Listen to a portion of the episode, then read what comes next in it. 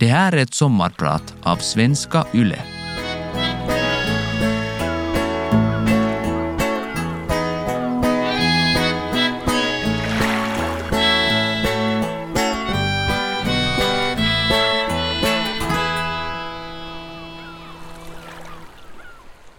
I vintras utsågs jag av tidningen Helsingin Sanomat till Finlands mest anonyma och okända minister. En del av mina vänner och politiska anhängare hörde den dagen av sig med både tröstande och stödjande ord.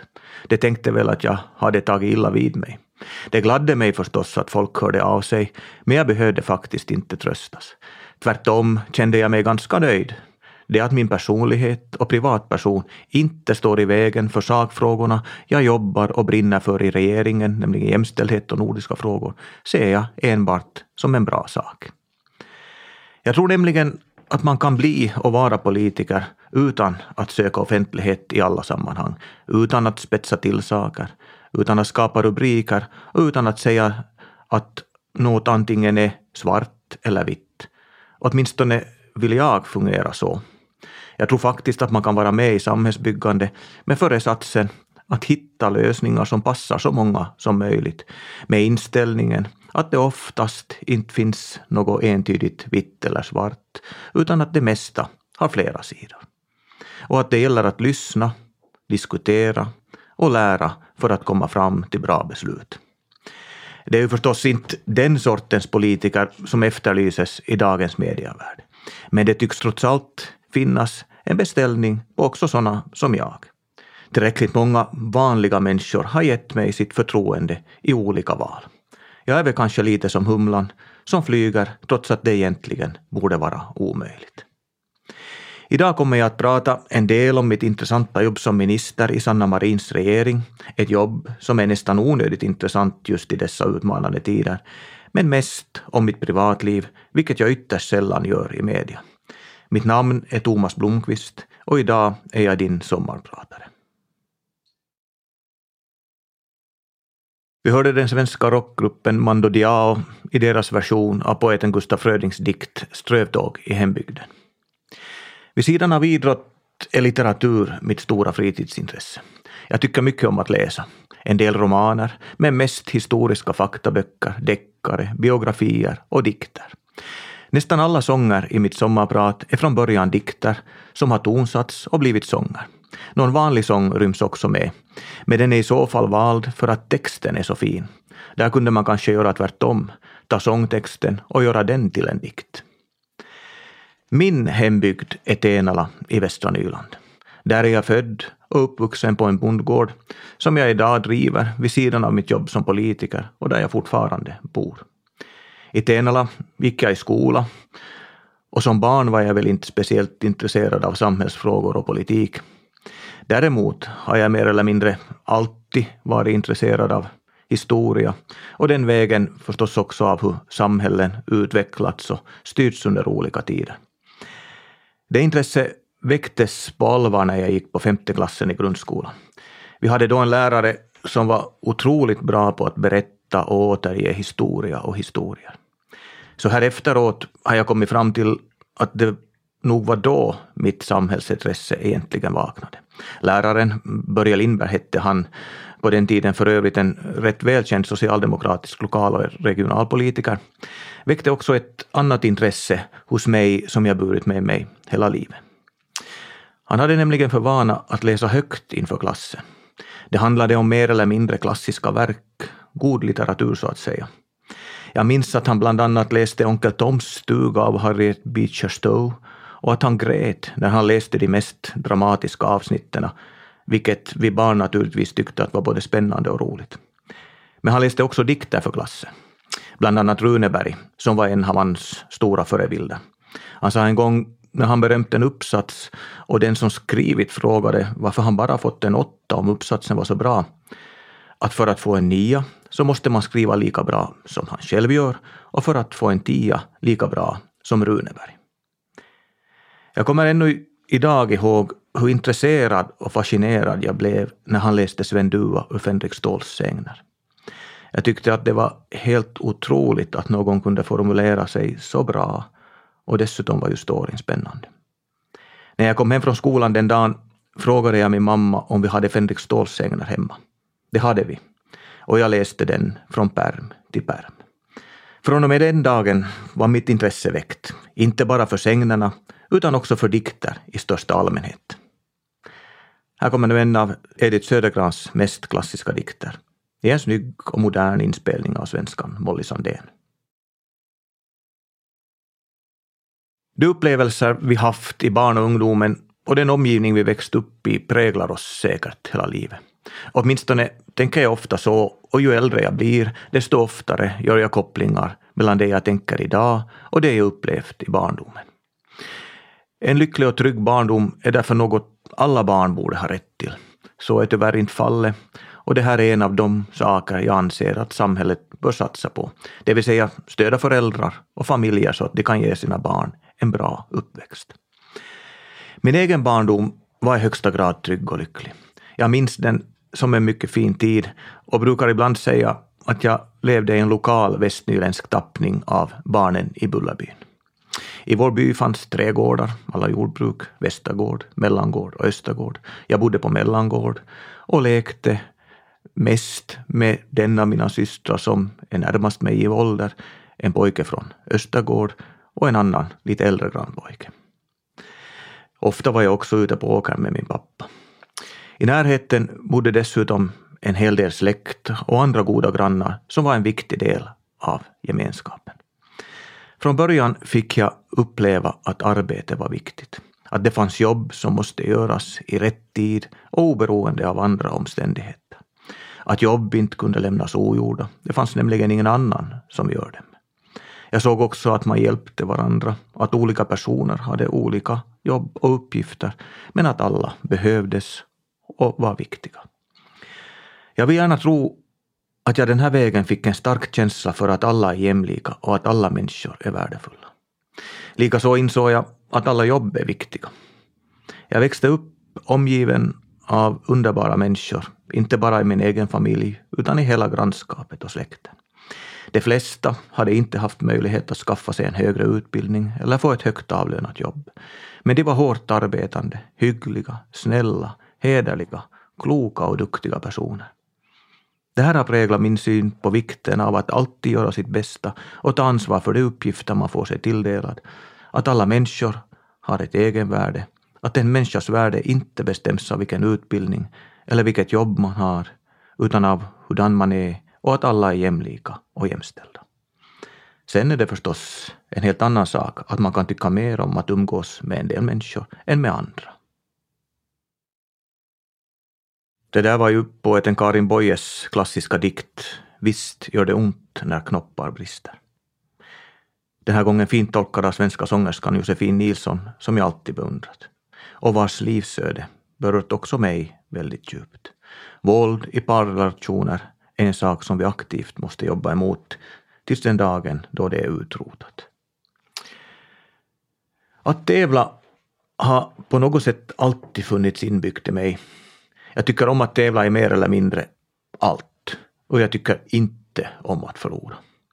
Men hustru Mia brukar säga att jag inte ens kunde låta barnen vinna när de var små och vi spelade brädspel tillsammans. Och det stämmer, dessvärre. På det stora hela tycker jag ändå att min starka tävlingsinstinkt har hjälpt mig på många sätt.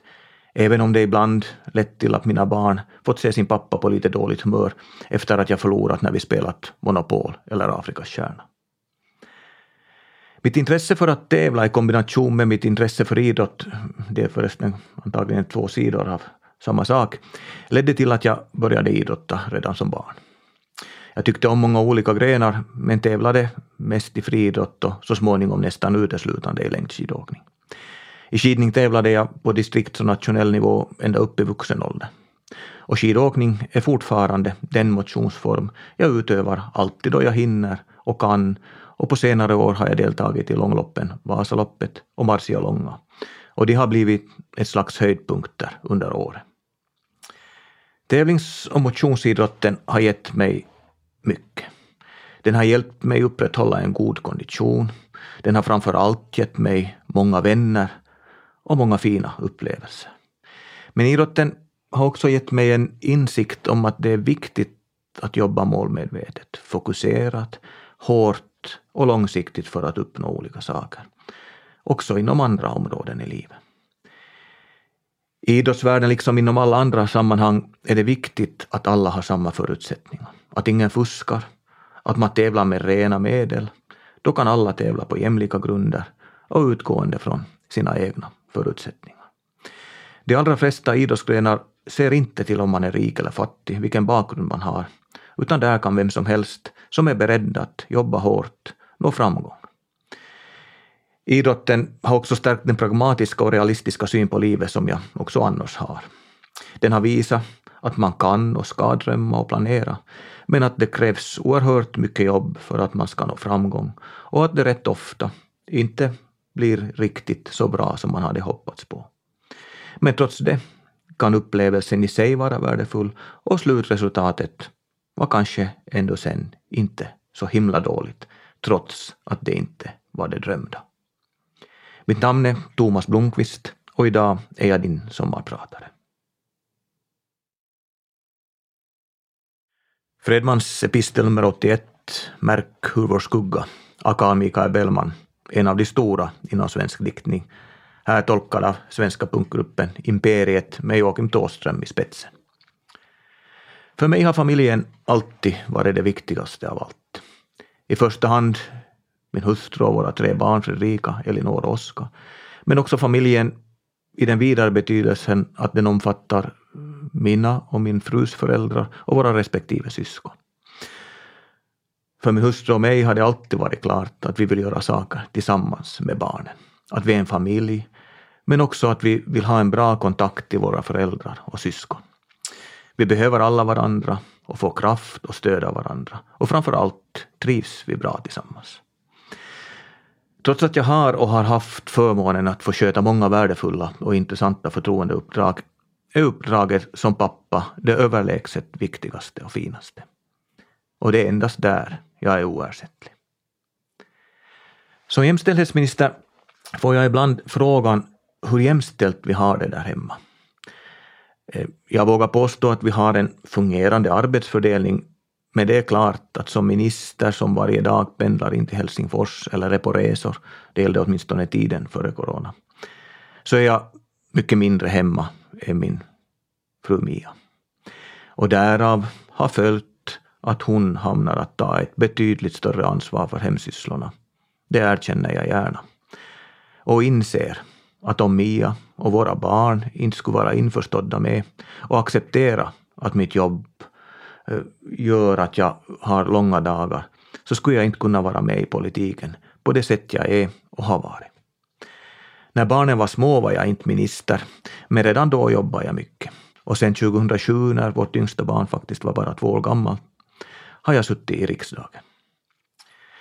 Det är helt klart att jag aldrig hade kunnat åta mig alla de uppdrag jag haft utan min frus positiva inställning och hennes stöd och insatser. Och vi skulle inte ha klarat av småbarnsperioden utan hjälp av våra föräldrar. Eller jag skulle i alla fall inte ha kunnat vara riksdagsledamot och så mycket borta hemifrån som jag varit. Förutom att den äldre generationen ställt upp och hjälpt till med barnpassning så deltog min pappa under många år i jordbruksarbete på vår gård och också min svärfar har varit och är ännu till stor hjälp med jordbruket. Också i det här sammanhanget har jag fått märka att alla behövs och att ingen klarar sig ensam. Här vill jag gärna minnas min pappa som gick bort för ett par år sedan med Dan Anderssons vackra dikt, den här gången tolkad av Ulf Lundell. I hela min ungdom och en bit in i vuxen ålder sysslade jag som sagt med tävlingsidrott. Jag tränade och var i bra form. Också efter att jag slutade tävla fick jag vara frisk och tyckte att jag orkade jobba nästan hur mycket som helst och också annars klarade av det mesta. Ofta med för lite sömn och kanske inte världens allra hälsosammaste kost. För knappt tio år sedan fick jag ändå en allvarlig påminnelse om att en god hälsa inte är en självklarhet och att man måste se till att sköta sin hälsa varje dag. Jag insjuknade då allvarligt i problem med bukspottkörteln, var flera veckor på sjukhus och rätt många dagar också i behov av intensivvård. Jag insåg efter mina sjukhusvistelser när jag efter cirka ett år slutligt tillfrisknade hur många fina vänner jag har. Men framför allt lärde jag mig uppskatta varje dag jag får vara frisk. Jag insåg också att när det gäller sjukdom och hälsa är vi alla jämlika. Ingen kan vara säker på att få vara frisk. Och senast då lärde jag mig uppskatta den högklassiga vård vi har i vårt land och hur viktigt det är att alla, oberoende av socioekonomisk bakgrund, har rätt till den här vården.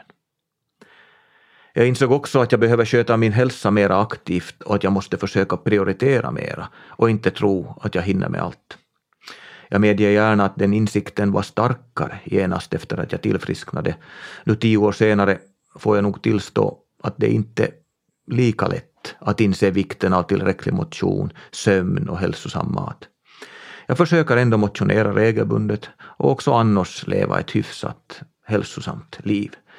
Men ibland blir länken ogjord och ibland är till exempel frestelsen att äta för mycket av goda bakverk som jag älskar alldeles för stor. Då brukar jag intala mig att det också är viktigt att tillåta sig saker och att kunna njuta. Mitt största stöd under sjukdomstiden och också annars i livet var och är min kära fru, som jag varit tillsammans med ända sedan studietiden. Tiden som minister, ett drygt år nu, har varit omvälvande på många sätt. Det är klart att jag efter tolv år i riksdagen hade en rätt bra bild av vad en minister sysslar med och en god insikt i hur regeringen och riksdagen fungerar och hur beslutsfattande går till. Ändå måste jag säga att jag fått många nya insikter och hamnat att, eller fått, lära mig många nya saker under det här första året. Jag har märkt att det faktiskt var möjligt att ha en ännu mera välfylld kalender än jag hade tidigare. Att ministeruppdraget faktiskt är ett 24-7-uppdrag. Att man måste vara beredd att klara av att sätta sig in i nya saker på mycket kort tid. Att man får byta fokus snabbt. Att man måste vara beredd på nästan vad som helst. Jag har också fått lära mig att delegera bättre än tidigare och har märkt att det fungerar bra. Jag har nämligen förmånen att ha fantastiskt duktiga medarbetare som på ett avgörande sätt hjälper mig att sköta mitt uppdrag. Till de positiva sakerna med uppdraget hör dessutom att jag får träffa många nya, intressanta och duktiga människor och att jag får resa en hel del. Det var åtminstone situationen före coronakrisen. Men det viktigaste och värdefullaste är naturligtvis att jag i den här positionen får vara med och förverkliga de saker som vi kom överens om att vi som regering vill göra tillsammans och som jag är övertygad om att för vårt samhälle framåt. Att vara minister är antagligen det mest intressanta och samtidigt utmanande uppdrag en samhällsintresserad person kan ha. Jag är mycket tacksam för att jag fått förtroendet att sköta uppdraget som minister för nordiskt samarbete och jämställdhet. När jag ser tillbaka på året som gått kan jag konstatera att det har varit mycket händelserikt. Förutom att det naturligtvis alltid händer mycket som minister har det under det här året inträffat en hel del extraordinärt. Det började med att Finland var ordförandeland för EU under den andra halvan av 2019. Det innebar en hel del extra jobb och inte minst många resor.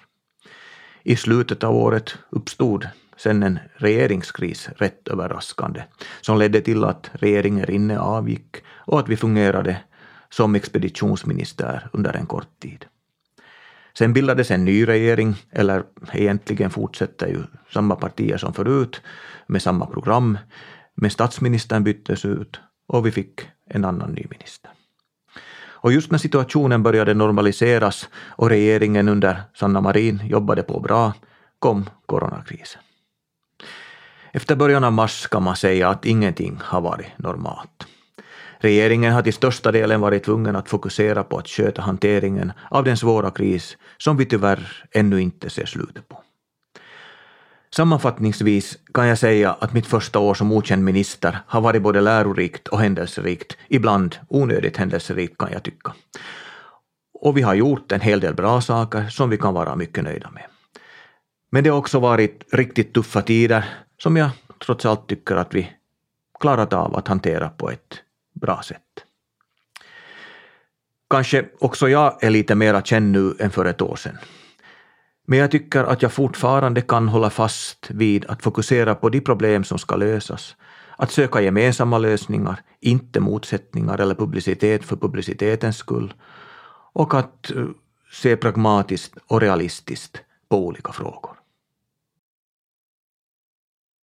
Det var Nils Ferlins kärleksvisa, tolkad av Rolf Wikström. När jag tänker tillbaka på min tid i politiken, eller mer allmänt på mitt liv, och funderar på vad som väglett mig, vad jag tror på, vad som är viktigt, blir det ganska tydligt att det är människors lika värde, mänskliga rättigheter, att man ska behandla sina medmänniskor väl och att man ska bemöta andra människor med respekt. Jag, liksom säkert de flesta andra, har säkert inte alltid lyckats helt perfekt i det här. Men det är ändå det jag vill och strävar efter att göra. Som jag sagt tidigare i mitt sommarprat så präglar pragmatism och realism hur jag ser på saker och ting och hur jag försöker hitta lösningar på olika frågor. Men när det gäller mänskliga rättigheter, demokrati, människors jämlika och jämställda rättigheter, rättsstatsprincipen, då är jag en idealist. Gällande de här frågorna finns inget utrymme för kompromisser eller ett pragmatiskt synsätt. Vi måste värna om de här sakerna i precis alla situationer. Vi vill inte uppleva att totalitära ideologier som nazism, kommunism och fascism någonsin igen får fotfäste i västvärlden. Inom politiken överlag är det viktigt att ställa människan i centrum. Att vi försöker skapa ett samhälle som ger förutsättningar för så många som möjligt att klara sig så bra som möjligt. Ett samhälle som uppmuntrar till företagsamhet och arbete, men som också tar hand om de svagaste och som ger alla jämlika och jämställda möjligheter att leva sitt liv. På ett privat plan tror jag vi alla mår bäst om vi bemöter varandra med respekt och på ett vänligt sätt. Det finns många viktiga saker i livet, men viktigast är nog trots allt relationerna till andra människor. Naturligtvis i synnerhet till dem som står oss närmast, men också mer allmänt. För det första mår vi alla bättre om vi gör så. För det andra kan vi åstadkomma mera och bättre saker om vi agerar så. Vi får helt enkelt en bättre värld. Och när det en gång blir tid att summera vad som varit viktigt i livet är jag åtminstone för min egen del säker på att det kommer att vara min relation till andra människor, till min familj, mina barn, min hustru, mina föräldrar, mina syskon, mina svärföräldrar, mina vänner, mina kollegor och så vidare. Och när vi en gång inte längre finns, då minns man oss inte för hur långa arbetsdagar vi gjort, hur mycket pengar vi förtjänat, vilka titlar vi har haft eller vilka uppdrag vi skött, utan i första hand hur vi bemötte andra människor, hurudan vår relation var till dem som då minns oss. Med de orden önskar jag dig en fin sommar. Mitt namn är Thomas Blomqvist och idag har jag varit din sommarpratare.